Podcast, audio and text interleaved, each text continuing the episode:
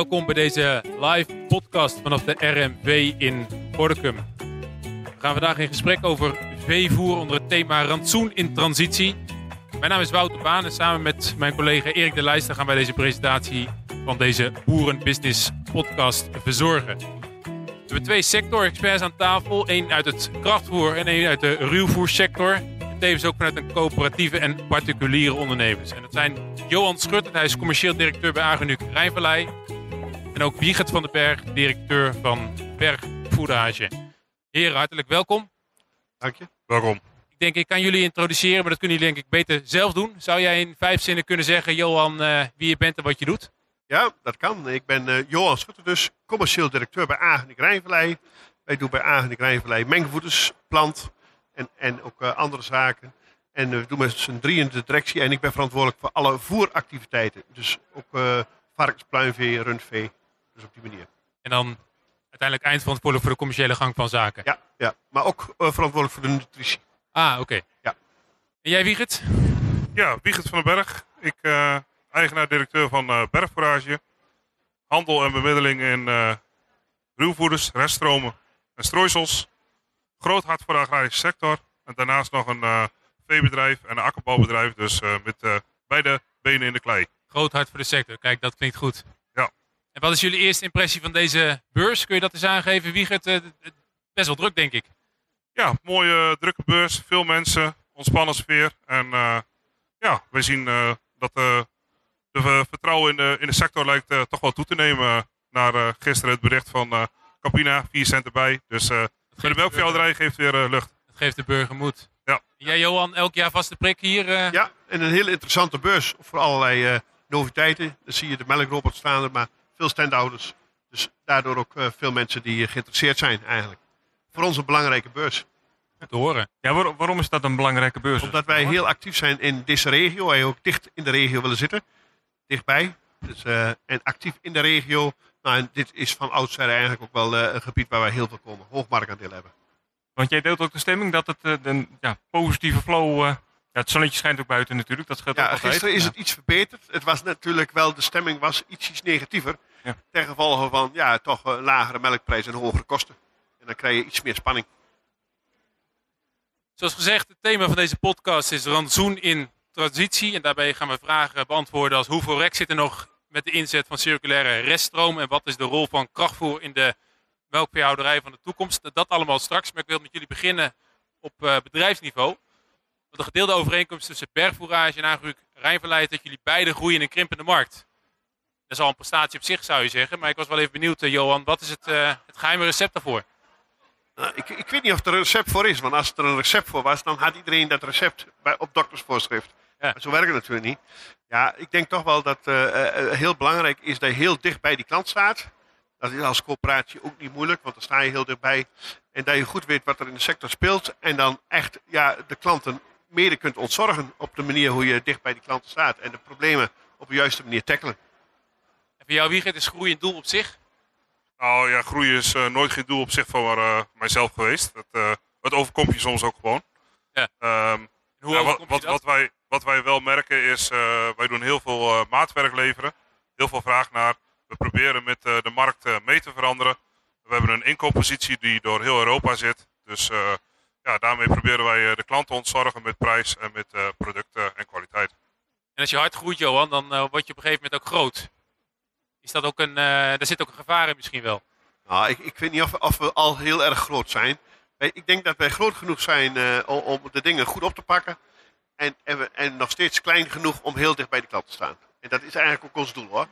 En, en waar wij heel hard in werken is eh, dat we de sectoren waar we actief zijn, kijken naar de toekomst, hoe maken, toekomstbestendigheid van voorbereiden op de toekomst. En hoe doe je dat? Wat zien, zien jullie wat dat betreft ook een, een veranderende behoefte bij die klant? Ja, meer dan, dan ja. dat prijs alleen?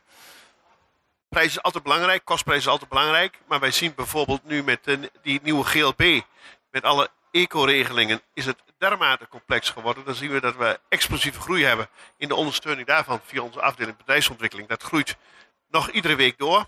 En ja, daar kun je klanten ontzettend mee helpen om er op een goede manier die insteek te kiezen. Maar we zien ook, eh, ja, met de komst van de melkrobots is het hele voeren en alles is, is gewoon complexer geworden. Dus je, mensen hebben belangrijk is dat ze ondersteuning hebben van echte specialisten op dat gebied. Om dan op een goede manier, zoals wij dat zeggen, gezond hard melken. Het is eigenlijk nog steeds eigenlijk meer ontzorgen naast het voer. Ja, nou goed, de, de robot voer je natuurlijk wel voer. Ja. En dat moet goed ingesteld worden, want daar, worden, daar kunnen heel grote fouten mee gemaakt worden. Het is hartstikke belangrijk dat dat op een goede manier gebeurt. Wil je hoge voerefficiëntie hebben, dan komt het op de, lijn, op de laatste kleine dingen aan. Hè?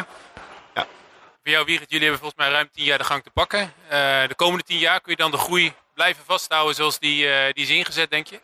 Ja, dat eh, verwacht ik eh, geen enkel probleem. Eh, wij zijn onderscheidend in een eh, aantal dingen. Wij zetten heel veel in op eh boxhygiëne, maar ook op eh, voeding en op maatwerk. eh, wat de klant zoekt. Onze inkoopposities, zoals ik net al zei.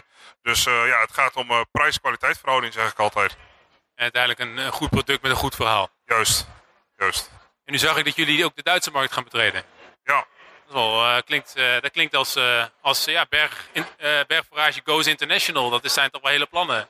Ja, wij eh, zijn al altijd behoorlijk internationaal geweest. Hè, door onze inkoop eh, in eh, heel Europa te doen, maar nu ook in Duitsland. We hebben daar op het moment drie mensen op zitten. Wij zaten al afgelopen jaar in Duitsland. En wij merken daar toch wel dat er de behoefte is aan de Nederlandse kunde en kennis. Ehm, bedrijven worden daar ook steeds groter. En daarmee kunnen wij echt wat brengen bij onze Duitse klanten. Ja, Ja, want nu zijn jullie een relatief jong bedrijf, hè? 11 jaar. Ja. En, hoe begin je vanaf nul en hoe vecht je je dan in zo'n markt? Wat is het geheim?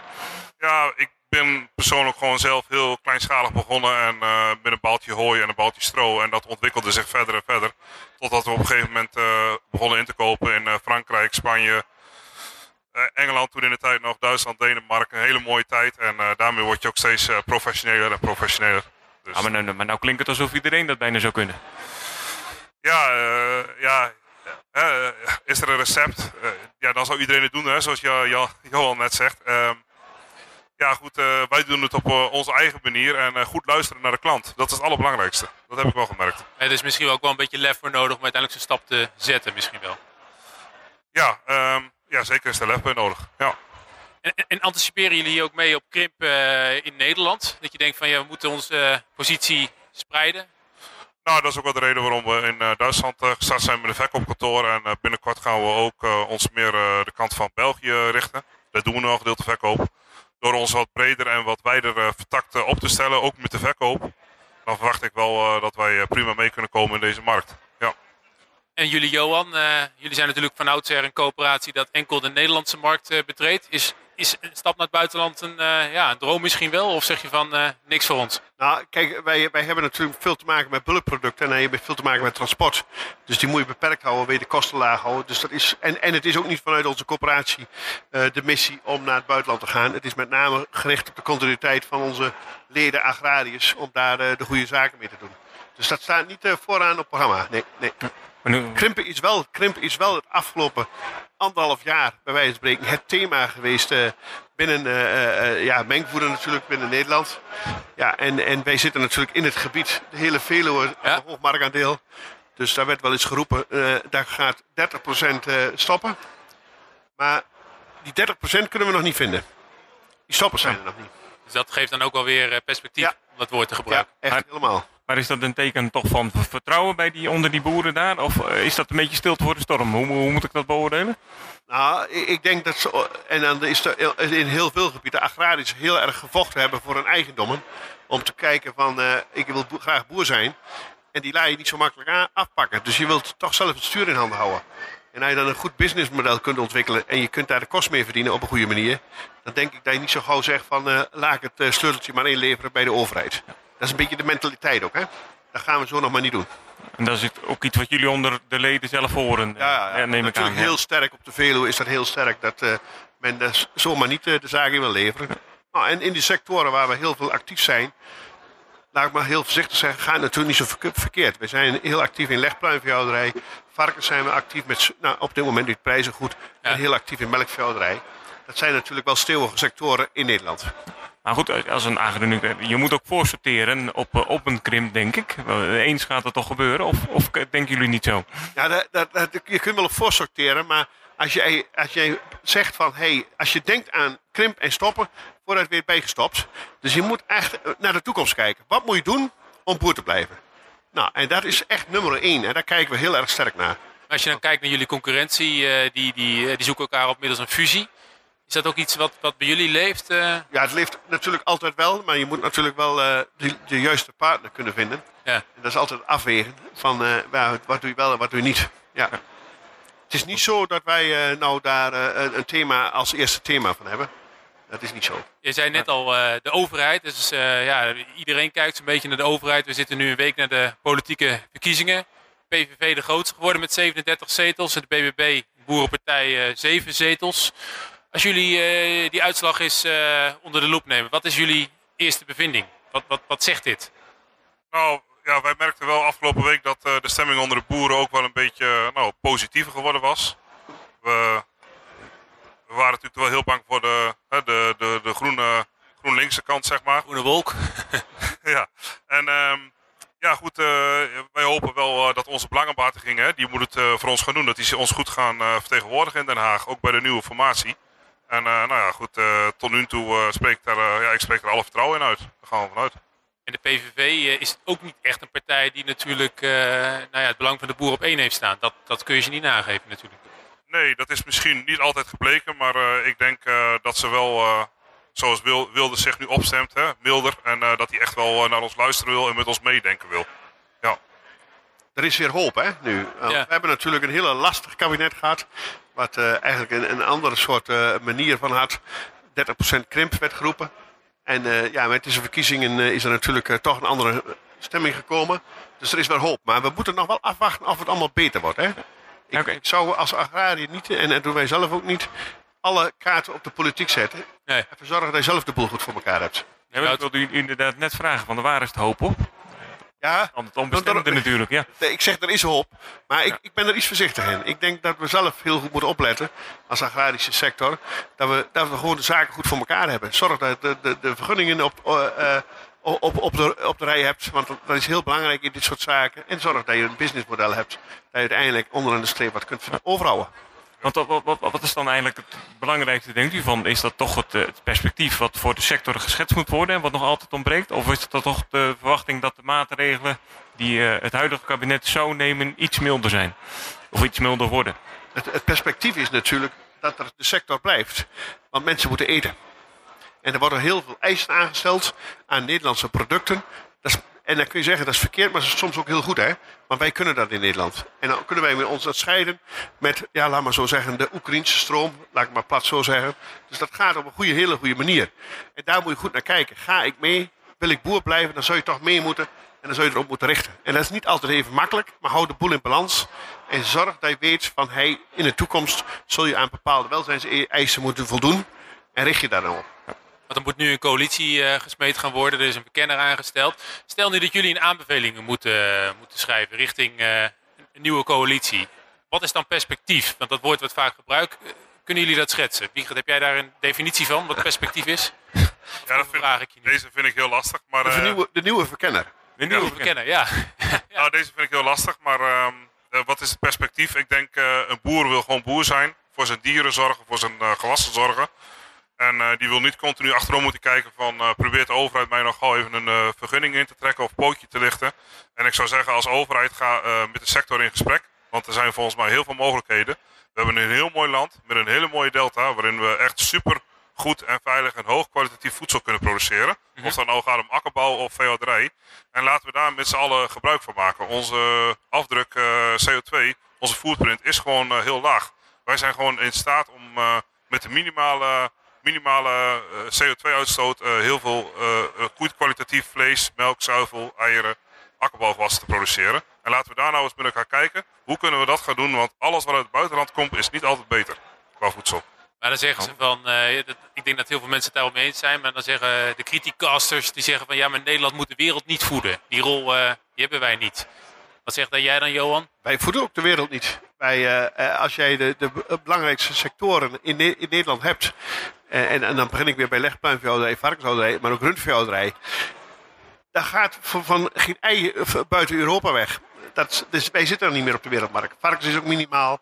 En zuivel moet je ook echt specialistische producten hebben. Maar voor, ja, laat ik maar zeggen, de foliekaas moet je natuurlijk niet hier in Europa produceren en mee exporteren. Dat laat, laat je Ja. in, aan Nieuw-Zeelanders over. Ja. Dan kun je voor, hier kun je niet voor 27 cent een liter melk maken en dan ook nog wat verdienen. Premium eh, productie eigenlijk, daar pleit je voor. En de eisen die ook gesteld worden door die consument, maar ook door de, de retail, die vertaalt die eisen. En daar kun je tegen ingevecht gaan of je kunt ook op tijd meegaan. Hè? Dat je zorgt van, hé, hey, ik, ik Meebewegen. Ik Zoals in pluimveehouderij is gebeurd met die concepten. Ja, echt helemaal.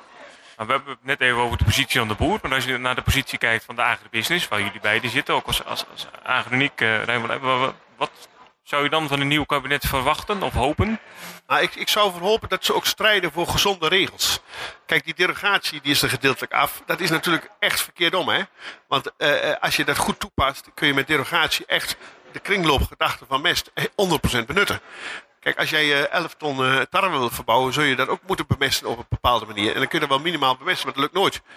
Ik hoorde pas geleden het berichtje van baktarwe heeft te weinig eiwit. En dat komt doordat er te weinig mag bemest worden. Nou, dat is verkeerd om. Je moet echt mensen hebben die strijden, en dat kan een BBB heel goed doen, die strijden voor een gezonde eh, kennis en op een gezonde manier eigenlijk voor die agrarische sector strijden. Dus hoop je dan dat BBB ook een landbouwminister zou mogen leveren? Ja, dat hoop ik wel, ja. Ja? Ja, En die kans is, acht je reëel? ja kijk, eh, er zijn eh, enkele partijen die eh, nu echt groot zijn geworden. Daar is de BBB ook van, want die is ook gegroeid. Nou, eh, PVV, Nieuw Sociaal Contact. Mhm. En dan moet je er nog een vierde bij hebben. En dat is de VVD en dan heet het rond. Dus je moet het ook niet moeilijker maken. Nee. En, en de achterban van de VVD die zegt direct eh, meedoen. Dat is gebleken. Dus het klinkt eigenlijk meer als eh, resultaat in de praktijk in plaats van eh, bewezen resultaat op papier. Ja, Daar komt ja, gewoon weten hoe het werkt. Want, want het is allemaal heel complex geworden. Dus je moet echt wel weten hoe het werkt. Anders ga je allemaal verkeerde dingen doen. Ja, Want als ik jou hoor, Wiegert, jij zegt van we moeten eigenlijk de huidige omvang eh, behouden. Nu las ik een interview met Erwin Bunneking, de voorman van LTO. Die zegt van, nou ja, als we de melkveehouderijen met 20% laten krimpen, dan halen we de druk van de sector af. En dan zijn de problemen misschien ook wat, eh, wat meer behapbaar. Wat zeg jij dan? Ehm, ja, goed, dat mag hij vinden. Maar als ik om me heen zie hoeveel vraag er eh, wereldwijd is eh, naar zuivel. Ook eh, naar, eh, of wereldwijd, we zijn niet voor de wereldmarkt produceren, maar wel onder andere ook kindervoeding. Maar ook eh, binnen Europa. Dan denk ik prima dat we gewoon deze omvang kunnen houden in de melkveesector. En dat we daar ook met de minimale CO2-uitstoot en met, met een heel mooie kringloopgedachte dit allemaal kunnen bewerken. Zeker. Dat is een mooi bruggetje naar het, het thema bijproducten. Want dat is natuurlijk jouw specialisme. We zitten hier op de RMV in, in Gordicum, een rundveebeurs bij uitstek. Jullie hebben ook een eigen stand hier. Als je dan kijkt naar bijproducten, en de varkenshouderij is denk ik al meer leidend dan in de melkveehouderij. Kun je signaleren dat bijproducten in de melkveehouderij een opkomst zijn vanuit de circulaire gedachtegoed? Nou, bijproducten zijn in de melkveehouderij altijd al in eh, opkom- opkomst geweest. Ehm, ja, wat wij wel zien is op het moment eh, dat verwerkingsbedrijven, voedbedrijven hun producten zo aan het bewerken zijn dat er steeds op bepaalde momenten minder bijproduct komt. Neem bijvoorbeeld met de, de aardappelindustrie. Vroeger eh, had je de 50-50 regel, 50% eh, diervoeding, 50% voor in de friet. Op het moment is dat al eh 80-90 aan het worden, zeg maar, door de verdere opwaardering. Dus eh, nemen de bijproducten toe? Nee, op dit moment zie ik dat niet, dat ze toenemen. Maar eh, ja, zeker is er eh, plek voor een eh, circulair product. eh, onder andere in de melkveesector en de vleessector ook. Ehm, alleen eh, wordt er op dit moment nog niet voor betaald. En dat is wat onze klanten op dit moment wel weerhoudt. Ehm, als er een toeslag komt op eh, circulair voer voor de melkkoeien, dan weet ik zeker eh, op de melkprijs dat er een aantal boeren zijn die wel meer hun nek hiervoor willen uitsteken. Ja. Dus eigenlijk hoop je dat de industrie, de zuivelindustrie, hier wat mee gaat doen. Ja, ik denk dat de zuivelindustrie op dit moment aan zet is om daar een meerpra- meerwaarde te gaan creëren. Ja. En je zegt eh, het aanbod is, eh, ligt niet op straat. Hoe gaat die markt vandaag de dag in zijn werk? Moet je echt vechten om, om een aanbod te komen? Op het moment is het wel een vechtmarkt om als, als je leverancier wil zijn van bijproducten om aan je bijproducten te komen. Omdat er natuurlijk eh, meerdere zijn. eh, het is een hot item op dit moment. Meerdere bedrijven azen hierop. Ook zien we dat de regelgeving af en toe eh, best wel heel moeilijk en heel complex is. Grote bedrijven zeggen soms ook van we willen geen risico nemen dat ons product in eh veevoer gaat. Dus doe het maar in de biogas. Dan kopen we onze risico's af. Dan hoeven we veel minder certificeringen te doen. En, eh, Ook wat voor het imago? Want heeft veevoer dan een, een laag imago? Of is dat... Nee, maar onder andere ook voor een risicoanalyse die op producten doen. Ja. Als er natuurlijk eh, wat misgaat. Ehm, wij zagen afgelopen jaar sinds corona vooral dat eh, de gasprijzen hoger waren geworden. Onze overheid wil meer eh, groen gas hebben. Dus toen zagen we ook dat de bijproducten steeds meer in de biogas gingen. Dat die prijs ook steeg van bijproducten door de concurrentie van de biogas. Op dit moment zien we het weer andersom. Gasprijzen zakken weer. Dus ja, dan is de vraag van, daar komt de sector weer aan, aan beurt om bijproducten te gaan voeren. Maar ook qua regelgeving is het af en toe best ingewikkeld voor veevoer. Dus misschien moeten we daar ook gaan kijken van kunnen we de regelgeving wat gaan veranderen. Een voorbeeld is een bedrijf wat voedsel produceert voor de mensen. Die mag geen product aan ons leveren voor veevoer, want dat moet nog aan strengere eisen voldoen. Dus misschien kunnen we daar nog wat in bewegen op een gezonde manier. Maar dan zeg ik het even eh, misschien een beetje kinderachtig, maar het maakt jou toch niks uit aan wie het verkoopt? Of toch wel? Nou, zeker. Toch liever aan de boer? Ik, nee, zeker. Maar ik, daarmee bedoel ik te zeggen van een bedrijf wat voedsel produceert voor mensen, die hoeft aan minder regelgeving te voldoen dan een bedrijf wat het verkoopt aan een veeboer. Dus dat betekent dat je zo'n stroom, die wordt wel duurder gemaakt. En dat valt voor een bedrijf niet altijd mee als je die helemaal certificeren moet. Wat is een bijproduct ook per definitie circulair? Kun je dat zo stellen? Ja, in mijn ogen zijn bijproducten altijd circulair. Want als wij deze hele veestapel in Nederland niet hadden gehad, dan hadden we al onze bijproducten op een grote hoop uh, moeten starten bij de vuilnis. Dan hadden we echt een probleem. Ja, precies. Maar je had het net over een melkstroom op basis van, uh, van bijproducten misschien wel. Is het ook al borgbaar middels certificering dat je kunt zeggen van nou met, deze, met het voederen van deze bijproducten verlaag ik mijn CO2-footprint met, met zoveel procent, ik noem maar wat? Ik uh, denk dat het zeker weten al borgbaar op dit moment is. Als we kijken naar uh, reststromen vanuit bakkerijen, maar ook vanuit bierbrouwerijen, aardappelverwerkingsbedrijven en fruitpestbedrijven. Dat je die stromen prima, als je die inzet voor veevoer, je maakt er melk, je maakt er vlees van. Dus uh, dat is prima borgbaar. Ja. Uiteindelijk wil je het op een pak zetten van de verpakking in de supermarkt. Dan moet er natuurlijk wel een harde claim op zitten. Dan kun je niet zomaar wat stellen natuurlijk. Dus dat... Klopt. Ja. Maar het is natuurlijk heel moeilijk om voor hen te spreken. Maar wat houdt de zuivelindustrie dan bijvoorbeeld tegen? Ik uh, denk voor het uh, pakje melk of het pakje zuivel wat in de supermarkt ligt, of het stukje vlees ook, hè, de vleesindustrie ook. Uh, we horen steeds meer om ons heen dat mensen wel zeggen, ja, dat is allemaal heel mooi, maar als we in de supermarkt lopen, dan kopen we het goedkoopste wat er ligt. En daar ligt denk ik het, het probleem. En ehm, ja, ik kan mensen, als je het financieel de middelen niet hebt, kan ik het snappen. Maar wij in Nederland zijn ook wel niet erg gewend om ons geld aan voedsel uit te geven. We hebben een van de laagste inkomsten die aan voedsel uitgeven, terwijl het in andere landen heel anders is. Dus misschien moet er ook wat bij de consument gaan veranderen. Je zou zeggen, met het voeren van bijproducten verlaag je ook je kostprijs als melkveehouder. Of is dat niet zo? Uh, de ene kant kan dat wel, maar de andere kant uh, ook niet. Um, wij zien ook wel dat er wat gedeelde belangen zijn. Wij hebben een belang om een bijproduct te verkopen. Iemand die in het krachtvoer zit, heeft belang om krachtvoer te verkopen. Ja. Dus daarmee zien we op het boerenerf ook wel eens een beetje hè, dat er twee belangen zijn. Dus ja. Jan Buurman die verkoopt krachtvoer natuurlijk. Dat, ja. Uh, ja, want hoe zie jij dat, Johan? Uh, de opkomst van bijproducten, om het zo maar te stellen. Ben je ook zo enthousiast als Wiegert? Nou, wat Wiegert al zei, uh, door de opwaardering van de reststromen wordt er meer uitgehaald. Is er eerder wat minder aanbod dan ja. meer aanbod. En wat erbij gekomen is, dat er een prijsconcurrentie op die bijproducten is gekomen. En daardoor zijn ze relatief. Kijk, vroeger werden ze gevoerd omdat ze heel goedkoop waren.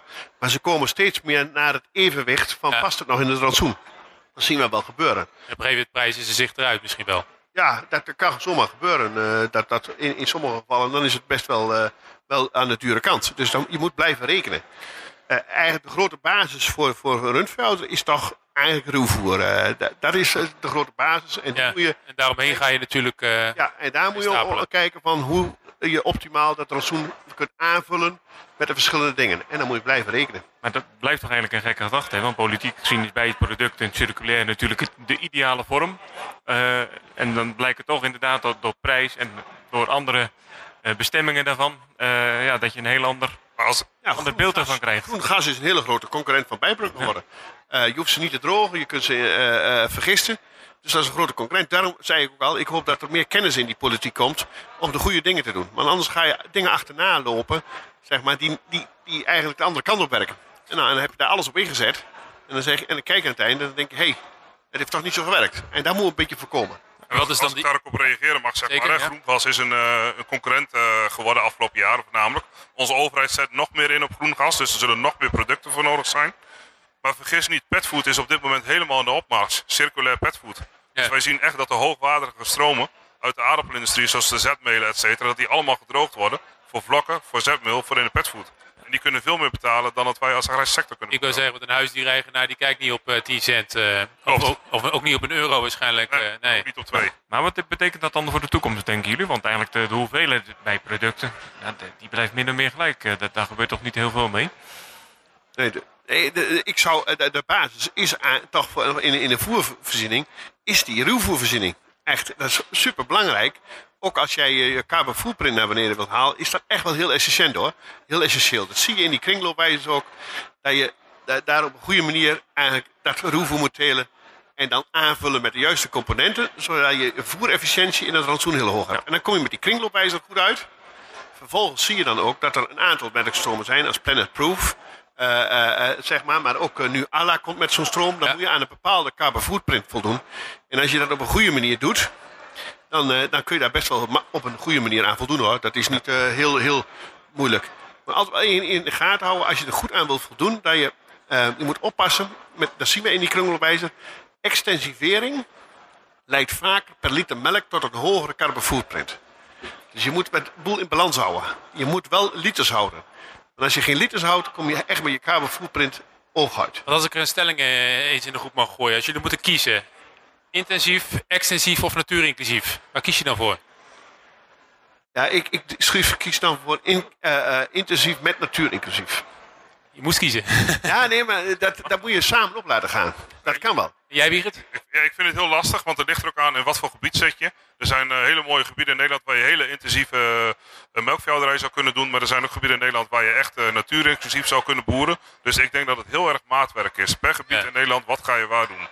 En, ehm, ja, Is als dat dan ook een opdracht aan het nieuwe kabinet om niet eh, als een eh generieke aanpak te hanteren, maar juist eh, per regio te bekijken wat nodig is? maatwerk leveren. Ik denk dat dat een, opdracht, een hele mooie opdracht kan zijn. Te bekijken welk gebied, wat ga je waar doen. Want er zijn best wel gebieden waar je heel goed een eh, koppel koeien kan melken met een goede productie eronder. Maar ook gebieden waar je het ook anders kan doen. Maar dan kom je ook weer op. Hè, wat voor ras koeien heb je, et cetera. Dus wil je meer ruwvoer, meer gras gaan voeren, minder krachtvoer. Misschien moeten we dan ook gaan kijken naar een ander ras koeien. In plaats van 13.000 liter moeten we dan tevreden zijn met 8.000 liter. Maar dan moet het rekenmodel nog wel kloppen voor de boer. En dat gaat wel een beetje tegen het gevoel van vroeger in, eh, denk ik. Ah, misschien gaan we wel weer terug naar vroeger. Nou, Nou, je, ik- ik- je- je- je moet echt blijven rekenen. Want er worden altijd heel veel dingen worden geroepen. Maar je moet blijven rekenen. Wij hebben 800 mensen die een kringloop wijzigen. Waar wij voor invullen. Die analyseren wij. En dan zie je gewoon, als je blijft rekenen, dat je het heel goed moet doen. Je moet best wel veel van je land houden, halen. Ja, ja Je zeker. moet best wel liters onder die koeien houden. Want 65 procent Als je dat niet in de doet, toekomst. Ja. valt het echt iedere keer tegen. Dan valt het financieel tegen, maar ook in je carbon footprint valt tegen. En dan moeten we de politiek duidelijk maken. En een BBB snapt dat wel. Maar ik, ik vroeg me, jij, jij geeft van het aan, dat, dat ik zie intensieve landbouw, eh, inclusief natuur, eh, inclusieve landbouw. Dus eigenlijk natuur, inclusieve intensieve landbouw. Dat zijn combinaties die nog maar weinig mensen eh, kunnen leggen, denk ik. Hoe, hoe zie jij dat? Nou, eh, eh, je ziet nou bijvoorbeeld dat mensen uh, lucerne bij verbouwen. Nou, die lucerne vult het eiwit aan. Dat is toch wel natuur inclusief, want eh, lucerne legt stikstof vast. Maar daarnaast moet je wel zorgen dat, dat, roe- dat je die lucerne die je verbouwt, wel intensief verbouwt. Dat je niet een schraal gewasje hebt waar je niks van afhaalt. Dat is eigenlijk, dus je moet iedere keer kijken hoe krijg ik er wel voldoende af. En dan is er wel mest nodig. Dan is er wel mest nodig. Ja, mest is er op dit moment genoeg in Nederland. Dus dat kan het op zich het probleem niet zijn. Maar je moet het ook nog kunnen... Mogen Mooi hè, zo gevoelig ligt het allemaal met verschillende combinaties die met elkaar te maken hebben. Maar als jij veel eh, van je land af wilt halen, zul je toch moeten bemesten en water moeten hebben. Ja. Dat, dat zijn twee dingen. De lucht is er wel, maar die zul je toch moeten hebben. En, en dan moet je op een goede manier toepassen. Als we nou even teruggaan nog naar de bijproducten, Wiegert. Wat is op dit moment het meest onderschatte bijproduct voor boeren? Waarvan je zegt van nou dat, dat zou eigenlijk veel, veel meer gevoed moeten worden. Ehm, ja, wij zien wel eh, heel veel eh, restanten uit eh fruitpesserijen die heel suikerrijk zijn. Ook heel veel energie in zit, waarvan we denken daar kan echt wel meer mee gedaan worden.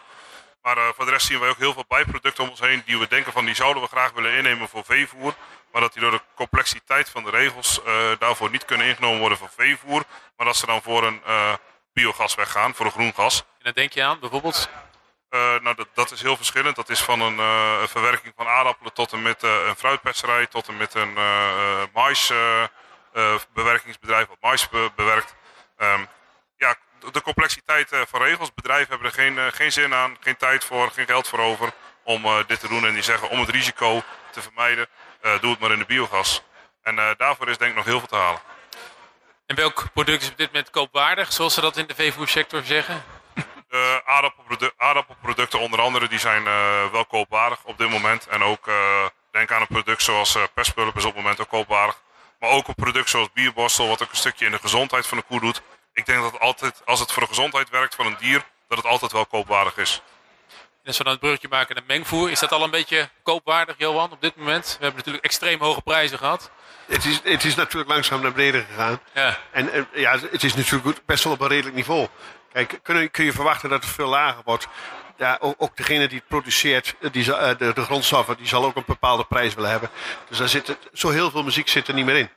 Dus eh, het is op dat, gebied wel koopwaardig. Maar wat wij, bij ons is erg koopwaardig. Wij hebben een product ontwikkeld, Maximum Grain Gest. Daar verrijken wij de gest met eiwit. En dat heeft meteen ook een pH van 9 tot 10. Ja. En dan kun je je penswerking optimaliseren. En als je de pens goed aan het, aan het werk hebt, kun je ook de liters onder je dan heb je een enorm hoge voerefficiëntie. En dan krijg je en meer liters en je komt heel goed uit in de kringloop. Dus dat is wel koopwaardig, als je dat als voorbeeld wilt noemen. Perfect. En eh, hebben we de reclametijd weer een beetje gehad, denk ik. Eh, zeggen. Wouter. Ja, maar hij, hij vroeg aan en dan geef ik antwoord. Waar kunnen we de factuur naartoe sturen, Erik? maar even gekheid, jij zegt de daling hebben we wel gehad eh, van de voerprijzen. Of, of zit er nog veel rek in naar beneden? Want als je kijkt naar de grondstof, eh, de tarweprijs zat vandaag volgens mij onder de 220 euro. Dus Ja. zou je zeggen, ja, Ja, maar degene die dan weer wil verkopen, wil een premie hebben. Dus die granen zitten wel een beetje op het niveau. eh, wat je ziet gebeuren nu bijvoorbeeld soja. De soja zie je ineens als een speer omhoog gaan. Doordat, ja, dat is een sojamarkt. Soja heeft een, een lange supply chain. Dus als er iets te kort is aan de voorkant, schiet die omhoog. En dan word je vijand van jezelf. Dus je kunt ook niet te kort gaan zitten. Dus je moet wel een bepaalde positie hebben. Want als jij ziet hoe die, die, die sojaschroot nu in vier weken tijd eh, gestegen is. ja, Dat is gigantisch. dat gaat hard, ja. Ja, gaat hard. Ja, ja, Ook ja. grillig inderdaad, ja. Ja, dus ja, kijk, achteraf kun je nu mooi zeggen dat je vier weken geleden had je wel iets meer moeten kopen. Maar ja, daar, daar kom je er niet mee. Je moet altijd vooruit kijken. Want zie je dat veehouders veel hun voer- voerprijs eh, vastklikken voor een kwartaal of half jaar? Of is dat in de melkveehouderij nog... Dat zie je bij varkenshouderij natuurlijk wel. Ja, op dit moment is, is dat ietsjes rustig, omdat men denkt, ach, het, maar het is niet zo, zo spannend. Hè? Het, is allemaal, het kabbelt een beetje voort. Ja. En dan zie je er ietsjes minder vraag naar. En, ja, en, en, en ja, bij onze ervaring is wel eh, dat mensen dan iets blijven wachten, afwachten. Want jullie dekken altijd wel de positie dan door op de termijnmarkt. Altijd, ja. Ja, precies. Want Alles wat 2000 wij in voorkoop doen, dekken wij door. In 2022 zouden natuurlijk extreem hoge prijzen. Hoe, hoe was dat voor een ja, middelgrote coöperatie? Was dat spannend om daarin te opereren in zo'n onrustige markt? Ja, dat is, dat is heel spannend, want eh, we hebben natuurlijk momenten gehad dat wij grondstoffen wel gekocht hadden, maar die werden niet geleverd. Ja, precies. Uit Oekraïne. En, en wij kunnen slecht tegen een boer zeggen die eh 100.000 kippen meer zitten, want deze week krijg je geen voer, maar volgende week wel weer hoor. Want dan hebben we het weer. Dat kan niet. Dus dat is spannend. Dat je het echt, dus we hebben dat eerste half jaar van vorig jaar, was leveringszekerheid Ja. was nummer één. Ja. En daarna is het natuurlijk weer veranderd. En nu is het qua beschikbaarheid is het heel goed te doen. En, hoe en, dwing nou moet je dat op? oppassen dat je niet te lang wacht met iets kopen. Want vooruit weet, eh, dan, dan zit er weer een of andere king in de kabel. En dan, dan zie je nu met sojaschroot, dan gaat het de andere kant op. Want hoe dwing je dat dan af? Leveringszekerheid? Uiteindelijk moet je dat ook gewoon eh, met de vuist op tafel slaan misschien wel. Bij je Ah, en een strategische voorraad hebben. En is dat, ja, Ja, exact. strategische voorraad, eh, dat is bij ons, eh, wij noemen dat ijzeren voorraad. Je moet een bepaalde vorm van voorraad hebben, zodat je altijd kunt leveren. De beste raad is voorraad, eh, zeggen ze dat. Ja. Is dat ook Ja. zo met bijproducten, Wiegert? Nou, bij productenmarkt is best eh, heel grillig. Want eh, de ene week wordt er meer gedraaid dan de andere week. Dus daar probeer je altijd een beetje tussen te schipperen. Maar wat wij op dit moment ook veel doen, is dat wij bij akkerbouwers contract hebben die wij voederbieten laten telen. En dat wij eh, dan voederbieten leveren bij boeren. Een eh, hoogwaardig energieproduct. Wat ook altijd goed past in de rantsoen en het heel goed doet op dit moment. Dus eh, ja, goed, eh, soms is het even een beetje schipperen. Maar eh, zo werkt de handel in bijproducten nou eenmaal. Ja, want ze zeggen wel eens de handel in bijproducten, dat is niet eh, de vraag is leidend, maar het aanbod is leidend. Ja, we hebben fabrieken die maar drie maanden in het jaar een bijproduct voor ons maken. Dus daarmee is altijd leidend van ja, hoeveel aanbod heb je en hoeveel vraag. Dus jullie klanten zijn ook wel flexibele veehouders dan, eh, die wel eens wat willen switchen in hun rantsoen. Ja, eh, we proberen met de bijproducten, dat gaan we wel in overleg met de veehouder doen, waarvan van tevoren goed afspraken mee van joh, leg een, ook een, hè, een voorraad aan van dit product. En zo proberen wij dan toch continuïteit te waarborgen bij de veehouder. Maar is, is dat iets wat in de toekomst eh, nog toe gaat nemen, denk je, Wigert? Dat, dat jullie eh, ook producten gaan telen om als bijproduct te verkopen? Ja, ik sluit het niet uit. Misschien wel, misschien rekent het wel. Maar dat hangt ook weer van af van, is het voor een akkerbouwer interessant hè? Als de graanprijzen hoog zijn en de aardappelprijzen. Dan heeft hij daar niet echt veel oren naar. Maar eh, er zijn een aantal producten die nu in opmars zijn, die best wel interessant kunnen zijn. En waar denk je dan aan? Eh, Eh, we denken onder andere aan erwten, die op het Ja. moment wel geteeld worden. Mooie eiwitbron en voederbieten. Dat zijn twee van de producten die mij zo te binnen schieten op dit moment. En misschien Nederlandse sojateelt is Ja. opmars. Nedersoja noemen ze dat, ja. Denk aan grote gebieden in Oost-Duitsland, Frankrijk. Ik denk dat daar wel wat mogelijk is met sojateelt op een gegeven moment. Rassen worden steeds beter, techniek wordt beter. Ja. Hoe zie jij dat, Johan? Nedersoja, dat is, daar is veel gezegd en over eh, geschreven. Maar ja, je hoort daar wisselende geluiden over. Ik zie je wat bedenkelijk Ja. kijken. Nou, de soja is, eh, als je dat nou weet, dat soja kan niet tegen nachtvorst. Nee. En dan heb je toch een beetje een probleempje. Want eh, het kan er echt helemaal niet tegen. Het is een beetje, het is net als met bonen. Hè? Ik weet niet of je iets van uh, teelt van bonen weet. Dan moet je ook naast, na ijsheilige moet je ze zaaien en voor de langste dag. Ja, Nou, dan heb je een hoog risicoprofiel en een kort groeiseizoen. Ja. Dus dan kun je nooit die opbrengst hebben. nee, Dus eh. dat, dat, dat, nachts, als je dat nachtvorstgevoelige er niet uit krijgt, zoals dat nu is, is dat een heel moeilijk weg. Dan kun je naar veldbonen kijken. Dat, we hebben een veldbonenproject bij onze afdeling plant. Ja. En dan is het uitrekend aan het eind is jouw eiwit waar je teelt te laag in verhouding met een goed grasgewas. Dus daar moet nog wel veel gebeuren. Je moet er wel naar kijken, Ja. Maar het is een hele uitdaging. Wat moet je er ook naar kijken om het imago van krachtvoer te verbeteren? Want dat staat toch wel links en rechts ter discussie. Nou, we hebben in alle diersoorten eh, eh, proeven gedaan eh, dat wij zonder soja het ook kunnen. Dus dat, dat probleem van soja is natuurlijk wel belangrijk om je eiwitvoorziening, Ja. maar het kan ook zonder. En wordt het ook al... Dus als jij veldbonen, als jij, als jij vlogvoeders hebt in een rundvelderij, daar zit bijna geen soja meer in. Er zitten andere eiwitcomponenten in. Want uiteindelijk soja is natuurlijk... eh, ja, dat wordt altijd in, in relatie gebracht met ontbossing in, eh, in Brazilië. En dat soort taferelen. Is dat ook zo? Hoe, hoe, hoe zie jij dat? Is dat, is dat, dat, dat imago terecht? Er zijn twee dingen aan dat imago. Ehm, dat is dat ontbossing. Daar kunnen wij niet zoveel aan doen. Want eh, die Chinezen kopen toch die soja van die ontboste eh, grond. Ja. Dat. Dus dat, dat is, is misschien wel go- goed en idealistisch. Dat wij daar eh, een paal en perk aan stellen. Maar ik denk dat het een druppel op een gloeiende plaat is. Het andere feit is natuurlijk dat er steeds meer GMO soja wordt gebouwd. Ja. En dat, dat is Roundup Ready. Ja. En eh, daar komt het, die spreuk ook vandaan. Dat ze zeggen, het regent Roundup in Brazilië. Ja. En dat vind ik natuurlijk een, dat is eigenlijk een veel ander probleem. Dat, je da- dat die gewassen zoveel met, eh, met Roundup worden gespoten, dat het echt niet meer gezond is. Nou, en dat aspect moet ik meenemen, vind ik. Maar jij zegt net, het kan ook zonder soja. Is het dan ook zo dat je zegt van, nou, als we duurzaam veevoer willen produceren, dan moeten we misschien ook wel toe naar een sojavrij eh, rantsoen in de toekomst? Ja, of een soja die, die echt wel verantwoord geteeld is. En, en er is wel in, in Zuid-Europa is er wel plaats voor nedersoja. Als jij iets meer in, in landklimaten komt. Eh, eh, Oekraïne was zelfs eh, netto exporterend van soja voor de oorlog. Hè? Dus daar kun je het best in het zuiden best wel goed verbouwen. En dat zijn wel mogelijkheden. En dan ja, raapzaadschot kun je, als je iets noordelijker komt, kun je raapzaad heel goed verbouwen. En, en, en daar kun je ook koeien heel goed mee voeren. En dat kan zonder dat je veel concessies hoeft te doen op, op de prijs.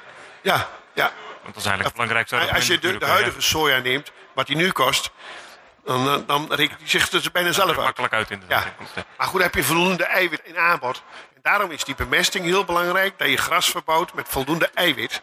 Want als jij te weinig eiwit in je gras hebt, dan moet je veel eiwit aanvullen. Moet je veel Ja. soja bij wijze van spreken aanvullen. Dat is de foute weg. De goede weg is, zorg dat je met je gras al voldoende eiwit krijgt. Is het ook een beetje dat dan de, de onderscheidende factor van Agunic Rijnverleid, dat jullie ook echt die tiltcomponent eh mee begeleiden? Ja. In tegenstelling tot andere fabrieken? Ja, we hebben helemaal een afdeling plant erbij. En die doet ook heel, eh dat hebben we ook bewust uh. De specialist ruwvoorteelt. Ja. Zit er heel veel aandacht aan. Met goede grassen. En die, eh, die dan echt. En dan hebben we ook gezien dat die in de laatste jaren steeds meer opbrengst eh, geven. Met ook een goed eiwitgehalte. Dus dat geeft dan de, de burger, of de boerenburger om het zo maar te zeggen, wel, eh, wel moed. Ja. Want als je kijkt naar die kritiek op soja, ik wil er toch nog even op doorgaan. Ook eh, de gematigde partijen, Nieuw Sociaal Contract bijvoorbeeld, die zeggen in hun verkiezingsprogramma, en dan zal ik maar even citeren. Voor veehouderij zal minder ruimte zijn in Nederland vanwege de grootschalige import van veevoer en afvoer van mest. Dat is wel het imago wat op dit moment boven de markt hangt. Hoe gaan we dat rechtzetten? Minder, minder importeren. Minder importeren? Ja, ik bedoel, we hebben tarwe zat in Europa. Dat is gewoon zo. Wij zijn tarwe exporterend. Ja. Raapzaadsgroot hebben we genoeg. Dus dat- je kunt met minder soja kun je wel doen hoor. En zorg dat je, maar dat, dat heb ik al herhaald, zorg dat je eigen productie op peil houdt. Hè? Ja. Dat is super belangrijk. Omvang van de sector. Ja, Maar, maar wiens opdracht is dat om eh, dat te gaan doen? Van minder importeren? Want dat zou je zeggen, joh, dat moet de opdracht van heel de, de, bijvoorbeeld de voerindustrie zijn. Maar Kijk, het, op het moment, eh, je kunt rationeel benaderen, maar ook emotioneel. Op het moment als men dat als punt geeft dat dit echt een issue is, dat soja, dan zul je er toch in moeten beschuiven. En dan moet je bedenken, daarom hebben we die proeven ook gedaan zonder soja, dat je voorbereid bent dat je daar stappen in kunt maken. Maar je kunt natuurlijk die strijd wel iedere keer aangaan, maar je moet ook denken van, hé, hoe lossen we dat dan op? En daar zijn wel verschillende mogelijkheden voor, mits je op een gezonde manier mag bemesten. Want er is veel kritiek op soja, maar tegelijkertijd hoor je weinig eh, nou ja, positieve geluiden over bijproducten. Wat eigenlijk best een heel mooi verhaal is natuurlijk, maar bij de burger denk ik nog niet tussen de oren zit. Ben je het met me eens, eh, Wiegert, dat daar nog eh, wat reclame werkt? Nee, zeker weten zit daar heel veel ruimte op. En als je gewoon kijkt van ook voor een boer dat hij goed ruwvoer gaat telen, daar kun je heel veel in halen. Wij hebben ook verschillende projecten lopen met akkerbouwers die Luzenne voor ons telen. Die wij dan weer eh, maaien en eh, inkuilen op 40% droge stof. En dan zie je gewoon dat er eiwitpercentages van eh 2, 23% mogelijk zijn. Dus eh, zeker, er zijn heel veel mogelijkheden met bijproducten, maar ook met onze ruwvoerposities. En is En, het- mi- en misschien de naam beginnen te veranderen in plaats van bijproducten, co-producten. ja, ja, dat hoor je wel meer. Dat ja. klinkt, kijk, voor een, een burger die er iets verder vanaf staat, die, die heeft Ja, daar de- iets meer vertrouwen in. Als een bijproduct. Dan denk je, oh, is een afvalproduct. Beetje tweede rangs klinkt dat. Ja, ja. En onze, onze bevolking groeit hè, in Nederland, maar ook in heel Europa. En eh, ja, we, we zagen ook eh, afgelopen jaren de, de havermelk eh, groeide dan ook. Alleen eh, de fabrieken moesten hun verdienmodel halen in het koopproduct wat er afgeleverd werd hè, van de Ja, haver, de restproducten. En dat was een heel eiwitrijk product. Dus eh, ja, zeker weten, wat dat betreft zou er meer eh koopproduct moeten komen, om het zo maar te zeggen. En wie moet die dan die handschoen oppakken om dat verhaal goed uit te dragen richting de maatschappij? Is het ook een, ta- ja, ik denk, die taak overschrijdt eh, jullie bedrijfsgrootte, maar is daar bijvoorbeeld ook belangenbehartiging, de V die daar, die daar wat moet doen? Of hoe, hoe zie je dat? Ja, nou, die ma- maken zich daar op dit moment ook wel druk voor hoor. En daar, daar zijn we allemaal, allerlei actualiteiten omheen. En, maar wij denken ook dat daar vanuit de agrarische sector, vanuit onszelf, ook wel wat meer eh, in gepromoot kan worden. Op de barricade, in feite. Ja, goede marketing. Eh, het is ook heel bijzonder dat een eh, liter cola meer kost dan een liter melk. Hè? Dus eh, Ja, ja dat is ook nog een uitdaging. zeker. melk met prik. Juist. Aan de melk. Wat was er nog even toegaan naar de toekomst? ja, het rantsoen is denk ik best wel in transitie. Dat zijn jullie het met me eens. Ehm, waarschijnlijk gaan we toe naar een grondgebonden veehouderij en mogelijk zelfs natuurinclusief. Of zelfs intensief natuurinclusief, als ik de woorden van Johan Schutter mag geloven. Concreet betekent dat wel minder krachtvoer. Is dat, nou ja, dat is toch niet een hele fijne boodschap als mengvoerleverancier, lijkt mij. Nou, volgens mij eh, zei net Wiegert dat er iets minder co-producten kwamen. Toen dacht ik, oeh, dan moet er nog meer, meer kracht voor. Ja, ja, ja. Dus, er straks niks meer over. dus- nee, maar goed, eh, eh, ja, ja, wij, wij hebben daar wel, wel naar gekeken. Van, hey, hoe zal dat dan precies gaan? Maar ja, het blijft iedere keer wel, wil je een gezonde productie hebben, dan heb je een hoeveelheid krachtvoer nodig. En ja, het zal altijd afhangen van het groeiseizoen hoeveel krachtvoer. Maar wij zien daar niet echt heel veel verschil in. Wil je het, het rantsoen optimaliseren en echt helemaal goed hebben, dan is het niet zo met weinig krachtvoer, dan valt het tegen. ja uiteindelijk is dat ook niet duurzaam natuurlijk. Nee, Wat wij onderweg in de praktijk wel heel veel zien is dat steeds meer boeren hun eigen grondstoffen gewoon enkelvoudig gaan kopen. Soja, Ja. granen. Wij leveren zelf dan veel ontsloten granen, sodacreen. En die maken hun eigen krachtvoer zelf in een mengwagen, zeg maar. Dus ik denk dat dat wel een trend is die wel door gaat zetten. Mede door eh, onafhankelijke veevoeradviseurs. Die er op dit moment heel veel eh, eh, langs de, de boer lopen, zeg maar. Dus ik eh, denk wel dat er wat een verandering gaat plaatsvinden. Dus misschien word je wel meer advies in plaats van krachtvoerleverancier. Zou een opties kunnen Is dat zijn. een kans of een bedreiging voor jullie als bedrijf? Eh, zo'n- Nou, wij handelen niet in krachtvoer, dus... eh, nee, maar wel in losse grondstoffen natuurlijk. Maar voor losse grondstoffen eh, kan een kans zijn. Ja. Ja. Wij produceren zelf ook sodagreen. Maximal ook. En dat zijn van die producten. En ja, wij zien ook wel... eh, af, die passen ontzettend goed in het gezoen, in het rantsoen. En we zien ook dat die afzet stijgt. Ja, want u hebt als, als thema voor deze podcast rantsoen in transitie eh, de- eh, op, on- de- op onze podcast geplakt. Ja. Daar hebben we nu een mooie aanloop naar genomen met diverse voorbeelden. Maar om hem nu even stuk te slaan, het rantsoen in transitie, waar, waar gaat dat naartoe? Nou, wat heel belangrijk is eigenlijk, waar we nog weinig hebben over hebben gehad, is het, het mestafzetprobleem in Nederland. Zal niet iemand hier lo- rondlopen, denk ik, die zegt van we hebben geen mestafzetprobleem in de Nee. rundveehouderij. En dat geldt ook in die transitie, dat je daar nog heel veel met voerefficiëntie en met minder aanvoer, dus een hele hoge verteerbaarheid van de componenten, het backsfooters noem je dat bij dat, hè? Ja. Kun je een enorme slag maken. Dus dan, als je dan een grondgebonden bedrijf hebt, die daar eh, goed mee omgaat, heb je ineens heel veel minder massa-afzet. Dan kun je echt een, een, een slag mee maken. Is meer dan een slok op een borrel. Ja, ja, echt. Maar daar kan een, melkveehouder nog veel meer op fine-tunen als ik even zo Ja, ja, eh, ja. Het is natuurlijk ook een thema geweest wat eigenlijk niet zo aan de hand was. Want eh daar was eigenlijk, eh, bij heel, was eigenlijk niet, niet zo'n probleem met rundvermest. Dat is dit jaar verergerd, hè? Ja, met mestafvoerkosten van 30 euro de kuub eh, is dan eh, dat probleem wel eh, urgenter dan ooit misschien wel. Ja, Zie je ook al die gang, eh, die trend eh, die is ingezet? Ja, ja, ja echt. Men, men, gaat er heel, men, krijgt, men krijgt er heel veel vragen over. Van, en wij zien dat ook aan, aan de voedersafname. Met schakelt nu al naar eh backsvoeters. Dat, die zijn laag in, in eiwit Ja. eigenlijk. Je, je, je totale zoen ga je naar beneden. Als je de verteerbaarheid maar heel hoog houdt. En je voerefficiëntie hoog, dan kan dat. Hè? Dan lukt Je wordt wel steeds meer fine-tuning en dus ook specialistisch werk. Dus je, je risico wordt iets groter. Dus je moet wel goed weten waar je mee bezig bent hoor. Je kunt niet eh, zomaar dat eiwit laten zakken en dan een slechte benutting hebt, want dan gaat het gewoon fout. Ja, precies. En dan blijf je dus met een enorm mestoverschot. Is dat echt een. eh, eh, voor melkveehouders dit jaar. eh, gaat dat de, de winst van de melkprijs eh, opeten, denk je? Die mestafvoerkosten? Als je niet oplet wel, ja. Ja. ja. Je moet er echt mee bezig. En Hoe zie jij dat Wiegert onderweg? Ja, het, we merken onderweg eh, van onze klanten, omdat die door heel Nederland zit ook, maar eh, dat dit echt wel een probleem aan het worden is, die mestafzet, ja. Want eh, eh, heel veel boeren zeggen, al willen wij 30 euro per kuub betalen, het wordt nog soms geen eens opgehaald. Nee, precies. En dat is pas een probleem. Ja. Want eh, eigenlijk, eh, zoals we gewend waren voor 10 of 12 euro eh, mest af te voeren, of soms zelfs nog goedkoper, ja, dat, eh, dat is een hele andere kosten dan dat we nu hebben. En andere kant denk ik, mest moet geen probleem zijn, want het is eigenlijk het zwarte goud, het bruine goud wat er Ja. is. Ja, ja, Als we wereldwijd kijken hoeveel vraag er mest is en dat er overal mest tekort is en ondanks alles dat we nog heel veel kunstmest importeren, dan denk ik van jongens, volgens mij moet het echt, kan het heel anders en ook veel efficiënter. En als jij die vraag eh, die eh, Johan net werd gesteld over het rantsoen in transitie. Hoe zie jij het rantsoen in, laten we zeggen, 2035? Zou dat heel anders zijn dan nu op een gemiddeld melkveebedrijf? Waar zie je het naartoe bewegen? Ik denk dat het ook eh, verschillend per bedrijf is, maar eh, ehm, ja, ik verwacht wel dat die rantsoenen wat gaan veranderen, efficiënter. Tien jaar geleden werd er heel raar opgekeken als er iemand met een zeef door de stal heen liep en de mest uitzeefde van de koeien. Op het moment is het eh, elke dag eh, normaal eh, dat je dat gaat doen. Ja. Vertering, eh, vertering is heel belangrijk. Producten die je voert, dat een dier het ook echt benutten kan, wordt steeds belangrijker. En uiteindelijk misschien wel de hamvraag is van hoe verlaag je met veevoer je, je stikstofdepositie, of je stik- stikstofuitstoot. Ja. Dat is misschien ook wel een... eh, Ja, en dat kun je via die pens doen. Doordat je je, je methaan reduceert, ja. ja, kun je daar heel veel aan doen. Want is daar ook nog een wereld te winnen? Ja, ja maar dan moet, je, dan moet je ook accepteren dat je een lage ureum hebt. Ja, ja. Ik denk zelfs maar, eh, dat je ook de koeden langzaam op aan moet passen. Hè? Maar, en je eiwit ga je verlagen in je totaalrantsoen. Nou, dan kun je daar echt wel veel mee winnen. Ja. Ja, dat is nog wel een stap te maken. Dat kan ook met bijproducten, uh, Wiegert.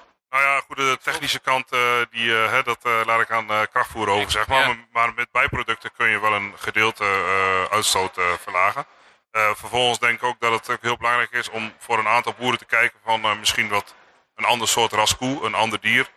Eh, een stukje vleesproductie erbij. Ja. Kan een rekenmodel zijn voor als jij een boer bent met veel natuurgebied, zeg maar. Hè, Het product maximum, ik mag niet te veel reclame maken. Maar dat is door Tesco erkend dat dat product de methaanemissie met bijna 10% verlaagt. Ja, dus als die boeren zoveel kilo voeren, krijgen ze een, een lagere methaanemissie toegerekend. Nou, daar kun je heel, heel, heel wat mee halen. Dat moeten wij natuurlijk ook voor elkaar zien te krijgen dat dat in Nederland zo is. Het enige probleem is dat de, de huidige politiek, of de politiek nou ja, van voor de verkiezingen, die was nooit zo enthousiast van eh, technische oplossingen. Dus dan is daar misschien nog wel eh, werk aan de winkel voor de Ja, belangen. daarom hebben wij nu een politiek nodig die strijdt voor de mogelijkheden die er zijn. Want wij kunnen ook het, ja, gelooft. Juist, want wij kunnen het allemaal aantonen. Maar als de politiek het niet accepteren wil, wij hebben op het moment gebruiken wij ook heel veel kleinmineralen in de boxen. Mhm. En daarmee zien we echt een eh, reductie van eh, methaan. Ja. Eh, ook in de put. Maar eh, ja, dat hebben we gemeten, dat hebben we op papier staan. Maar politiek wil en doet er niks mee. Dus daar ligt eh, de uitdaging ligt, voor de politiek. Er zijn meerdere wegen die naar Rome leiden op dit moment. Dat, uiteindelijk, als ik het zo hoor, Erik, dan, dan is er dus best wel wat mogelijk. Ja, zeker. Ja, en ik denk, ik denk wat ook mogelijk is, eh, ik denk na de tijd, dat we langzaam naar het einde van de podcast eh, moeten Dat denk gaan. ik wel, ja. Ik, ik, ik heb nog één slotvraag. De, ja, het is bijna december, we kijken alweer naar 2024. Om eventjes eh, de, maar de vraag te stellen, wat, wat zou jij, Johan, in, in 2024 graag gerealiseerd willen hebben? Ik zou eer- voor de melkveehouden een hoge melkprijs. Omdat die kosten eh, ook, ook stijgen. Dat dat in ieder geval een, een haalbaar businessmodel is. Maar dat, dat, de, de, de, verhoging is ingezet. Nou, en, en ik hoop dat, eh, dat, dat, dat, dat toch die politiek dan uiteindelijk eh, eigenlijk ook wat de politiek eigenlijk moet doen. Strijden voor de burgers, maar ook voor de boeren gaat strijden. Dan wordt de rekening weer wat sneller betaald bij jullie. eh. Nou, ik, ik, daar wil ik alle agrariërs wel complimenten voor maken. Dat is bij ons nauwelijks een probleem. Echt. En tot slot jij, Wiegert? Ja. Hoe kijk je er tegenaan? Ja? Eh, hogere opbrengstprijzen voor de boer. En eh, ik hoop een eh, politiek die echt met ons meedenken wil. Maar ook vooral een Europa. Wat ook eh, maatwerk voor ons eh, Nederland wil gaan leveren. Want eh, we lopen heel erg tegen Europa aan de laatste jaren. Ik hoor hier een gemeenschappelijke wens wat dat betreft. Ja, nou, dan eh, lijkt me dit een hele mooie gemeenschappelijke wens om mee af te sluiten. Mag ik jullie hartelijk danken voor dit gesprek. Heren Johan Schutters hadden we aan tafel, commercieel directeur van Agunic Rijnvallei en Wiegert van den Berg, de directeur van Bergvoerage en ook mijn collega Erik de Leijster, hoofdredacteur van Boerenbusiness. Heren, dank.